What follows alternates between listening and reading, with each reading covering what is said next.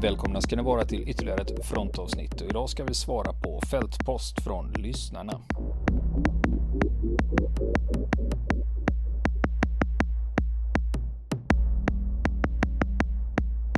Ja du Niklas, det var ett tag sedan vi eh, betade av lite fältpost. Ja, det har väl samlats en hög kan jag tänka mig. Som vi ja, ja, ja, absolut. Vi får ju ja. kontakt, eh, inte dagligen, men nästan dagligen. Och folk, antingen mejlar man ju då till frontenpodcast@gmail.com eller så går man på vår Facebook-sida och skickar meddelande via Messenger då. Mm. Så det är de två kanalerna som är tillgängliga för lyssnare. Och det är ju frågor om allt möjligt. Väldigt mycket förslag på ämnen som vi borde ta upp. Det här borde vi titta närmare på.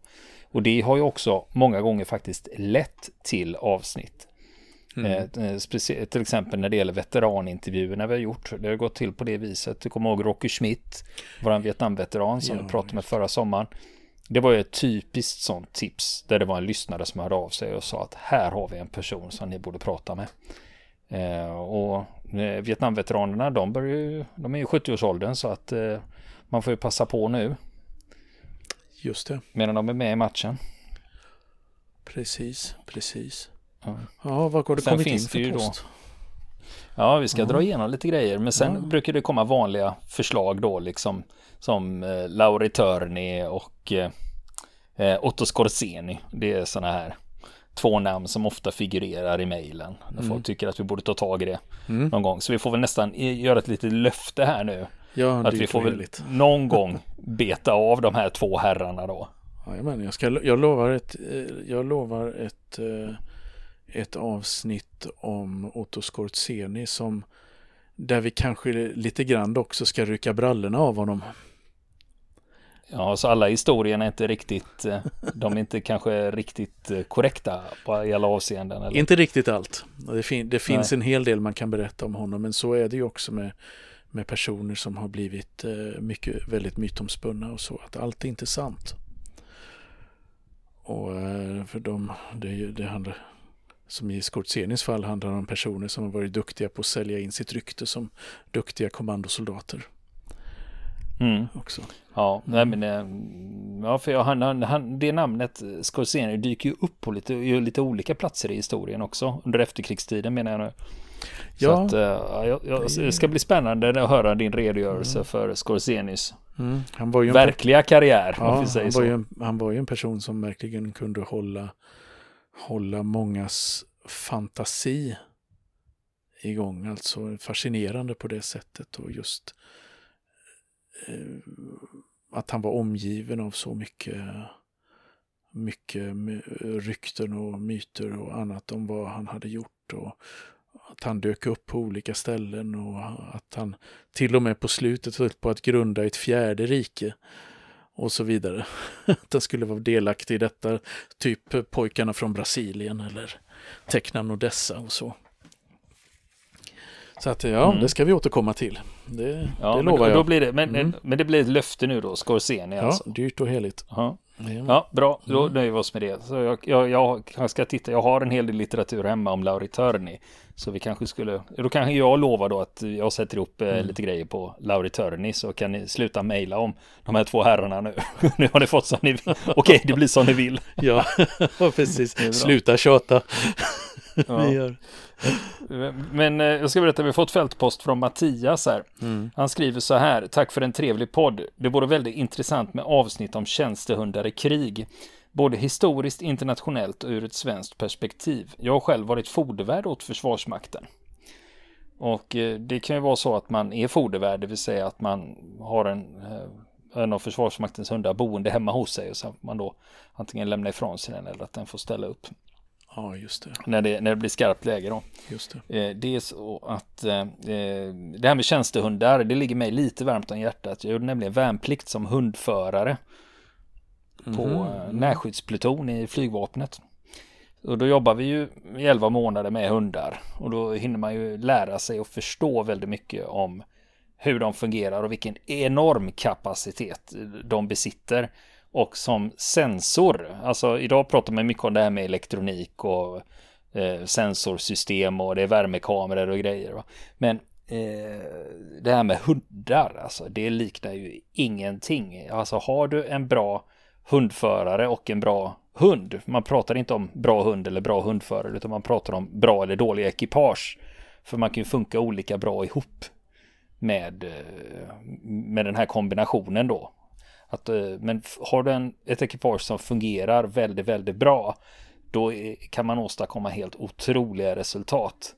Och eh, det är ju med bevakningshundar klass 2 jag har använt mig av. Alltså hundar som man har med sig ute på patrull i skogen då när du genomsöker. Antingen så har du en patrullstig som du går. Eh, som du bevakar. Eller så går du på sök i ett, eh, i ett område bara och liksom söker igenom det. Och det, gör ju, det är ju enormt resurssparande. För är du duktig så kan du söka av områden väldigt, väldigt fort. Jämfört med, annars får du nästan skicka dit en pluton som då ska finkamma området. Men istället kan du ha en hund, en hundförare som betar av de här områdena ganska fort. Du sa klass 2, vad är på hunden, ja. vad är klass 1 då? Ja, det kommer jag inte ihåg, men jag vet att det fanns klass 3, det var flygbasjägarna som hade det i flygvapnet. Och det var hundar som du släppte eh, fram, du, du släppte dem eh, så att de sprang fram mot fienden och markerade med skall då va. Och det, det var också, jag för mig också det var så att de kunde flyga på folk också. Att de var tränade på det då.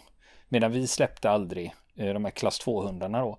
De eh, släppte vi aldrig. Utan vi skulle hela tiden ha dem i koppel eller i spårlina då.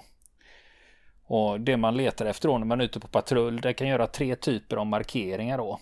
Antingen är det ljudmarkering och då, då vrir hunden huvudet och öronen exakt mot det område där ljudet kommer ifrån vi människor vi har ju ganska, ja, jämfört med hundar så har vi ganska sopig hörsel. Det gör att om vi hör ett ljud och vi kan höra att det är till vänster, men hunden hör exakt i vilken riktning eh, ljudet kommer ifrån.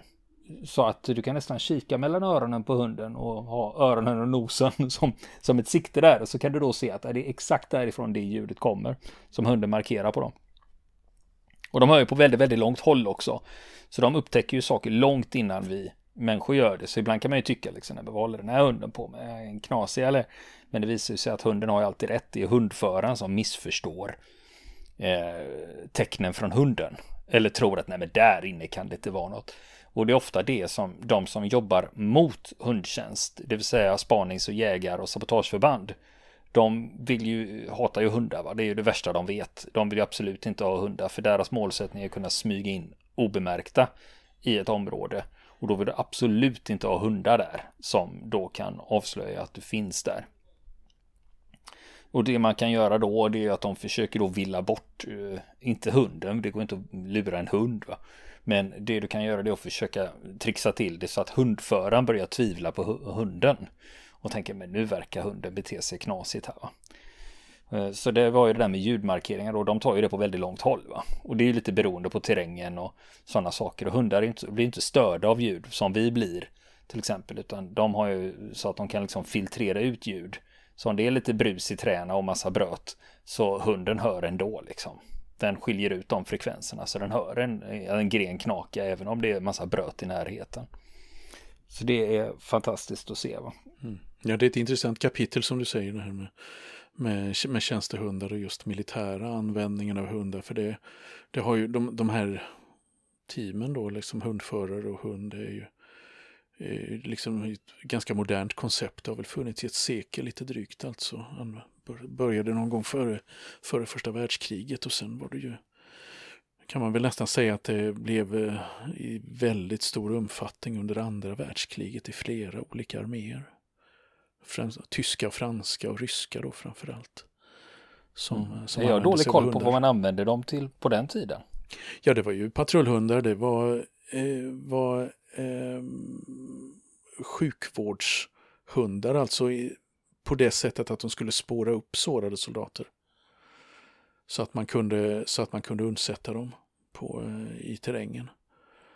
Och eh, så finns det ju ett lite speciellt kapitel med, eh, med den sovjetiska Röda armén då, där, där man försökte använda, använda hundar som pansarvärnsvapen. Ja, det var det man satte sprängladdningar eller miner på dem va? Ja, just det. Man började utbilda hundar i, i början, använde dem i synnerhet i början av eh, kriget på östfronten. eh, så, så använder man utbildade och använde hundar.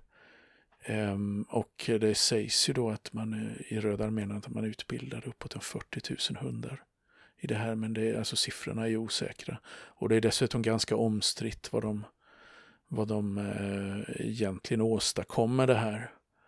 Eh, det finns ju den här klassiska historien om att det, det, man slutade använda dem när man insåg att eh, de här hundarna som var utbildade att med sprängladdningar på ryggen springa in under stridsvagnar för att eh, detonera, för att de skulle detonera där under. Eh, att de kunde ju inte riktigt eh, förstå skillnaden mellan de fiendens och de egna stridsvagnarna. Och då blev det ju, blev det ju svårt att använda dem, i alla fall i närheten av de egna pansartrupperna. Men det kan vi eh, borra lite grann i det här för att eh, det finns många intressanta aspekter på det här med hundar som du säger i, i krig. Mm. Ja, för det jag skulle säga, det är när jag berättade om min egen, min egna erfarenheter, då hade vi ju, jag har berättat om ljudmarkering. Sen kan de också göra vindmarkering och det är när det driver in vittring då med, med, eh, med, med vindriktningen. Och det kontrollerar man ju som hundförare. Det viktigaste är ju vinden. Var kommer den ifrån och hur blåser det?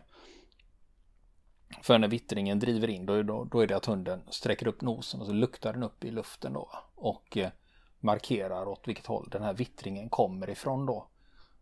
Och de kan ju ta det på väldigt, väldigt långt håll om det är rätt eh, om det är rätt eh, omständigheter. Va? Om det inte blåser för kraftigt eller om det ska liksom driva in bra så att de får en snygg markering. Och då fattar man att, och då vet man ju vilket håll det blåser ifrån och då vet man att det är folk i den riktningen. Och då är det bara att sätta sig ner och vänta för det finns där. Va? Så rapporterar man in det till staben också så de vet om att det är grejer görningen. Det är väldigt sällan hundar gör fel.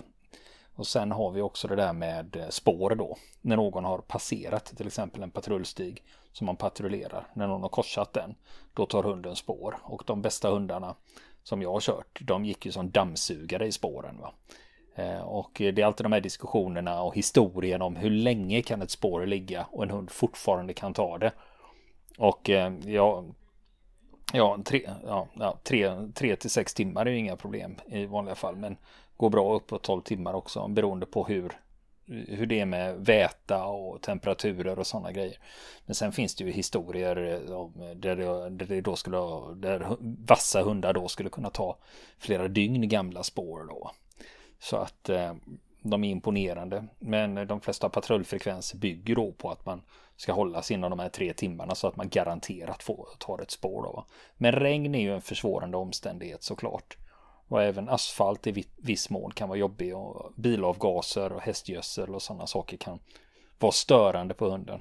Mm. Det fanns, finns en sak som är intressant som, i det sammanhanget. Som, det är inte direkt krigsrelaterat men eh, det är värt att nämna ändå när det gäller det här med hundar och spår. Och det var ju när, när muren föll och eh, den östtyska säkerhetstjänsten Stasis arkiv öppnades. Och man där bland alla berg med papper och fotografier och så vidare också hittade glasburkar med tygstycken. Och det här, ja, jag anar. Ja, det här var stolsöverdrag, alltså på sitsarna i förhörsrummen som alltså den misstänkte liksom inte ett ont anande satt på när han, blev, han eller hon blev utfrågad. Och när förhöret var över så tog man loss det här överdraget, stoppade det i en burk och förslöt därför att det skulle finnas ett doftspår som hundar skulle kunna använda om det var så att personen gick under jorden eller försökte fly. Ja, och det är ju ofta det är ju blodhundar som är väldigt, väldigt vassa på just den typen av spårning då. Och då, då är det ju så att hundar kan urskilja dofter liksom. Eh, de kan ju göra skillnad på personer. Va?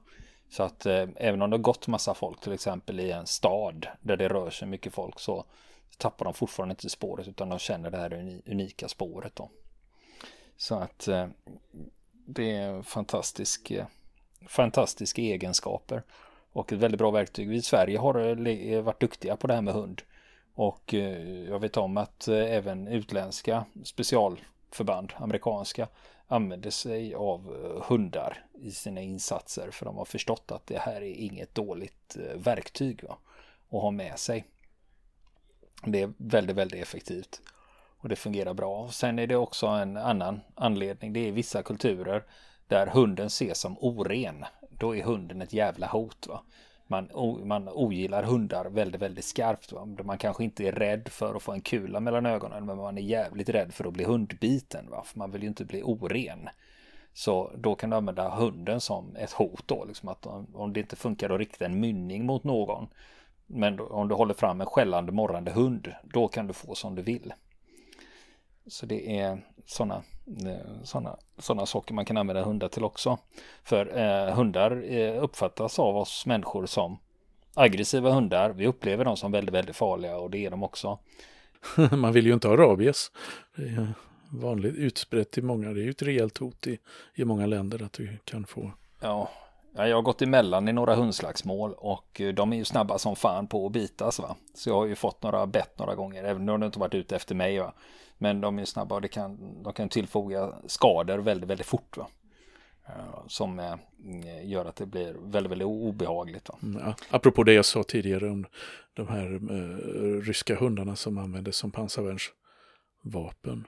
Så har det ju också senare använts, har man försökt, islamistiska terrorister i Irak försökte vid ett tillfälle använda en, eh, en hund med bombväst då, men den, eh, den eh, laddningen sprängdes utan att någon, någon blev skadad.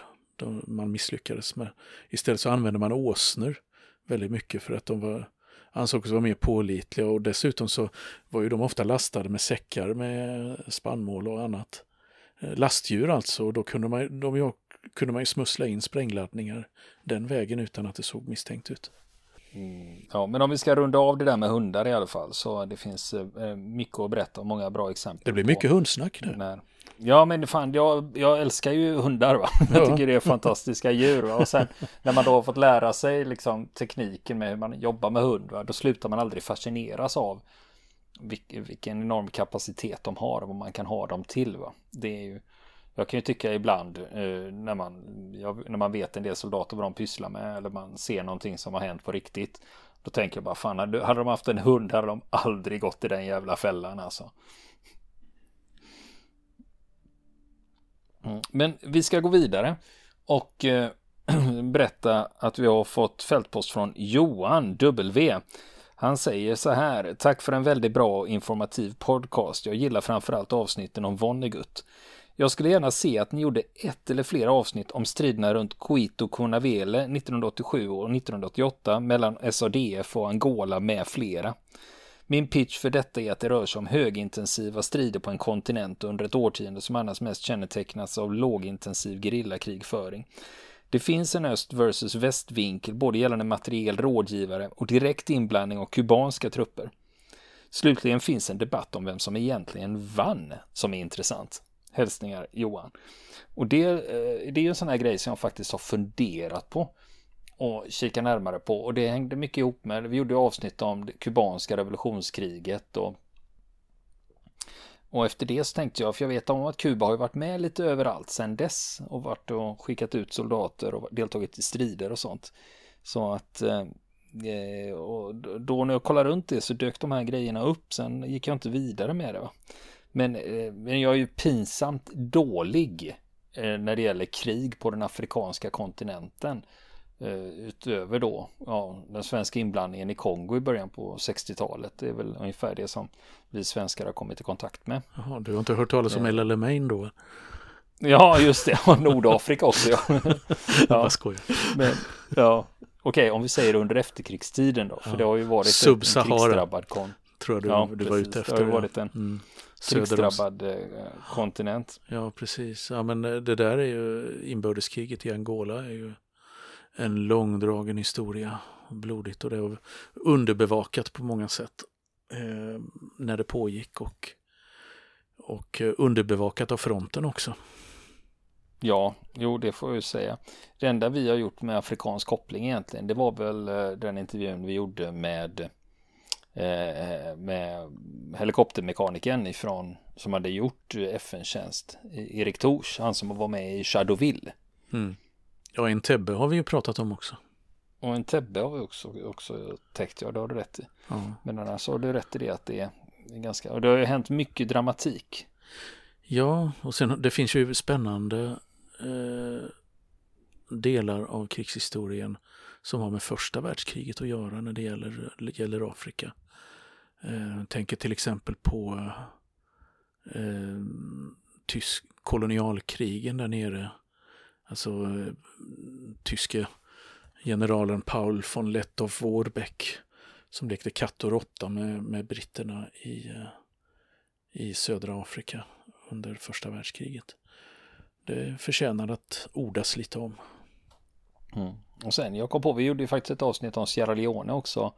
Eh, en, en gemensam operation mellan brittiska SES och de brittiska fallskärmsjägarna i Operation Barras när de då skulle plocka ut tillfångatagna brittiska soldater. Ja, titta, vi kanske men, inte är så dåliga när allt kommer upp. Ja, men eh, det är ett litet nålstick, det och en Tebbe. Ja, så vi får väl, eh, men vi får väl göra så här, vi får väl nåla upp det här Quito Cuanavale i Angola och se, eh, se vad det faktiskt är för någonting och försöka eh, förklara det på ett vettigt och bra sätt. Just det. Mm. Ja, sen har vi fått eh, fältpost från Per. Eh, han eh, säger att han har jobbat en del i Ystad och vid stränderna finns det mängder med betongvärn från beredskapsåren tror han. Och Eh, han hade lyssnat på våra avsnitt om de tyska luftvärnstornen och då tog han och sonen en biltur till Ätraforsdammen innanför Falkenberg och tittade på det gamla luftvärnstornet där. Han är fascinerad över att vi har ett gammalt flacktorn i Falkenberg i miniformat men ändå. Ja. Har du varit där? Det har jag faktiskt inte varit.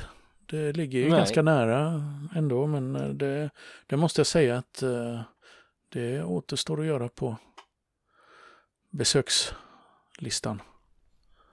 Gärna. Ja, för när jag fick det här mejlet, jag tänkte men herregud, det här har jag ju missat helt. Så att jag började ju googla och titta på bilder och kartor och inser att men det var inte så långt eh, från, eh, för oss att åka dit och kika lite. Och det, jag tyckte själv det såg ut som en liten miniversion av ett riktigt eh, flacktorm faktiskt. Ja, just det. Som finns kvar. Det så det kan vi väl tipsa om som ett eh, besöksmål i Halland. Ja, då, skulle ju skydda vatten, vattenkraftstationen där mot bombangrepp då under, under kriget. Ja.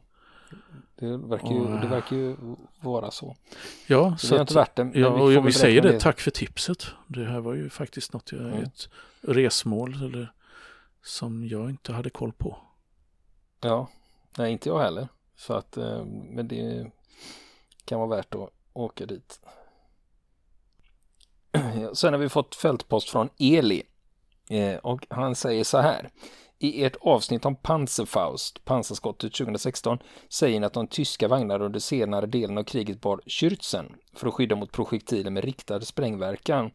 Det här är tyvärr fel. Schürzen utvecklades för att skydda mot ryska pansarvärnsgevär som till exempel PTRS 41 som kunde slå, slå rakt igenom det 20-30 mm tjocka sidpansaret. I boken Bazooka vs Panzer, Battle of the Bulge 1944, där skriver Zaloga One of the widespread myths that to have emerged about German tank design during World War II was the notion that German side skirt armor was developed in response to the bazooka and its British equivalent, the Piat. American and British troops began encountering the new versions of German armored vehicles with extra armor shields in 1944, and so presumed that this new feature was in response to the Allied shape charge weapons. The shields received a variety of names, including bazooka shields, bazooka pants, and Piat shields. In reality, their development was not a response to Allied shape charged weapons, for most German innovations in tank technology during the war years were prompted by the developments of the Eastern Front. Och eh, då var det då att eh, det var, den var, de här skydden var ineffektiva mot bazooka och pansarsträck-typer då va. Medan eh, det var de här PTRS 41, det är ett ryskt pansarvärnsgevär. Just det. Och pansarvärnsgevär, mm. de var väl i början av kriget, de övergavs väl så småningom va? Just det, just det.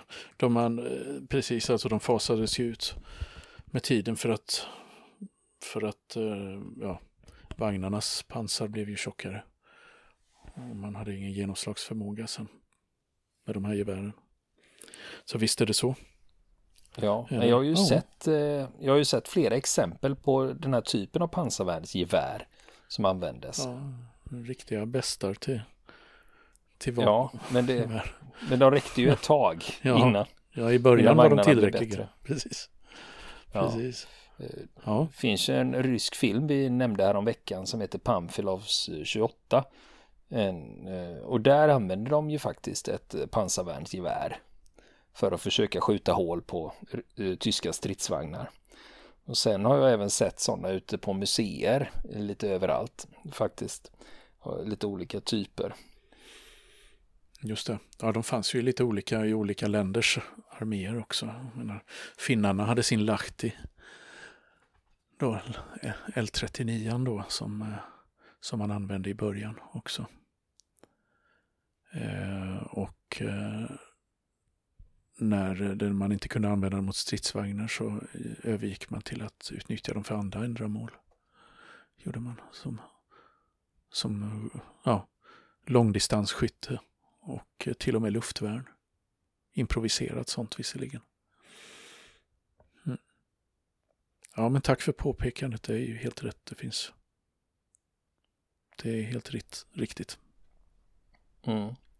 Sen har vi fått eh, fältpost från Johan här. Han skriver så här. Hej fronten och tack för en bra och lärorik podd. Han frågar, har ni hört talas om Operation Cottage i Stilla havet under andra världskriget? Om inte är det intressant läsning och kanske till och med värdigt ett frontenavsnitt. Kort kan sägas att 1943 så invaderade Kanada och USA Kiska öarna. Det som gör historien speciell är att japanerna hade övergivit öarna och fanns inte längre kvar. Trots det var de samlade allierade förlusterna över 200 stupade och betydligt fler sårade. Bland annat med anledning av strid mellan amerikanska och kanadensiska förband som misstog varandra för japaner i dimman. Även mineringar orsakade förluster kan vara spännande att synliggöra hur krigets dimma påverkar soldater och befäl så till en grad att man når över 200 stupade utan en fiende på plats. Återigen, tack för en fin podd som gör barnvagnsputtandet till en fröjd, skriver Johan. Ja. Har du hört talas om den här operationen? Eh, nej, men jag har hört talas om en liknande i Medelhavet har jag gjort, men det är en annan historia. Där man, eh, men eh, den här, den här operationen är ju eh, Ja, det är ju alefterna då, den här ögruppen som ligger längst upp i norr där. I Stilla havet och Kiska är ju en av öarna där. Um, och det är ju det är en intressant liten detalj den, den typen av historier som vi gärna berättar i fronten. Är det, så att den kan vi, skulle vi kunna utveckla lite. Skulle vi göra för att det är som de säger, krigets dimma i verklig, i verkligen bokstavlig bemärkelse då där. Att man man, eh, man hamnar i strid med varandra. Ja. Sen har vi fått fältpost från Linus. Eh, han påpekar, det är rättelse och där är det jag som har gjort mig skyldig till eh, ett fel. Och det får jag väl erkänna att ja, jag har haft fel och när Linus påpekade det här så tänkte jag herregud, kan jag ha varit så dum i huvudet? Och det har jag tydligen varit. Och dessutom stor i käften och påstått att jag vet vad jag pratar om när jag i själva verket inte vet vad jag pratar om. Så jag får väl, så jag får väl be om ursäkt ja, och bara, tacka Linus. Det är bara rulla i stoftet. Vad handlar det om? ja, jo, så här är det. Han skriver så här. Tack för en otroligt bra podd. Eh, det är en sak som fortfarande stör mig som jag i alla fall inte hört er läsa en rättning på. Ni pratar om ett avsnitt om skillnaden mellan detonation och explosion. Felaktigt så påstår ni att det är insatta och införstådda i skillnaden. Egentligen så är det så att detonation är en typ av explosion. Detonation är en explosion som sker snabbare än ljudets hastighet, alltså cirka 340 meter per sekund. En explosion som sker långsammare än ljudets hastighet är en deflagration. Och eh, när jag tänkte, kan jag vara så blåst? För jag har ju sagt att en explosion är under ljudets hastighet mellan detonation är över ljudets hastighet. Men eh, när jag kollar upp det här så visar det sig att Linus har ju helt, helt rätt liksom. För eh, eh en detonation, eh, explosion, det är bägge typerna, både över och underljuds. Men är det underljuds så heter det deflagration och är det överljuds så är det detonation. Mm. Jag tror att de flesta är nog be bekanta med just detonation, men deflagration är nog ett något som eh, inte är allmängods kan man säga. Nej, men vi är ändå en MÖP-podd och då ska vi fan med ha rätt på grejerna va? Ja, eller hur? jag tycka. Ja, Ja, men det är jättebra. Och ni andra som lyssnar, alltså hör ni grejer som vi säger och bara tänker vad fan håller de på med? Så är det bara att slänga iväg ett mejl eller ett eh, meddelande via vår Facebook-sida så läser Ja. vi gärna upp dem utan att skämmas. jo, jo skämmas gör vi nog lite ibland också. Men, Jo, jo lite, det var lite pinsamt, men eh, ja, ja. Så att jag fick skylla på, eh, jag svarade Linus att eh, jag får be om ursäkt. Jag drog det ur minnet från min militära sprängutbildning jag fick 1992. Och det var ju ett, eh, ett tag sedan så. Ja, Ett fatalt Men det, misstag. Det, det, ja, men det går ju det är ju så jävla lätt, det är ju bara att googla. Ja. ja, visst. Men vi har alla varit Mm. där. Det är ju det. Ja. Mm. Och han vill ju då höra eh, också sådana lite idéer på lite avsnitt och då är det om man vill höra om MacV, SOG och det är ju Vietnamkriget då. Och eh, sen vill han också höra om slaget om Grozny under första Tjetjenienkriget. Och så tycker han om våra avsnitt som handlar om svensk försvarsindustri. Så att eh, det var ju några intressanta förslag. Jag har ju läst lite om Tjetjenien eh, och det finns ju en hel del att berätta om hela den insatsen. Nu är ju den ganska stor så man får nog ta ta en del utav det i sådana fall. Och Just det. försöka det begränsa inte- lite. Till precis. exempel slaget om Grozny. Det är ju ett eh, sånt förslag då. Ja, det var ju inte vackert kan man säga riktigt. Men eh, det, det kan vi definitivt titta på lite. Jag kan titta lite i de ryska källorna där också kring detta. Mm. Men vi får väl tacka våra lyssnare som har hört av sig. Vi får ju bra mycket mer mejl och meddelanden från lyssnarna som vi inte har tagit upp här. Ja, det var inte många brev vi hann beta av för vi snackar så mycket. Ja, men det är ju så man, och det ämne man brinner för och tycker de är intressanta så blir det lätt att man blajar på en massa. Ja. Men vi får väl eh, tacka och fortsätt gärna skicka in till oss. Vill ni komma i kontakt med oss så kan ni göra det via vår Facebook-sida som heter Fronten. Det är inga problem för er att leta er fram där. Eller också så mejlar ni på vår mejladress och det är frontenpodcast@gmail.com.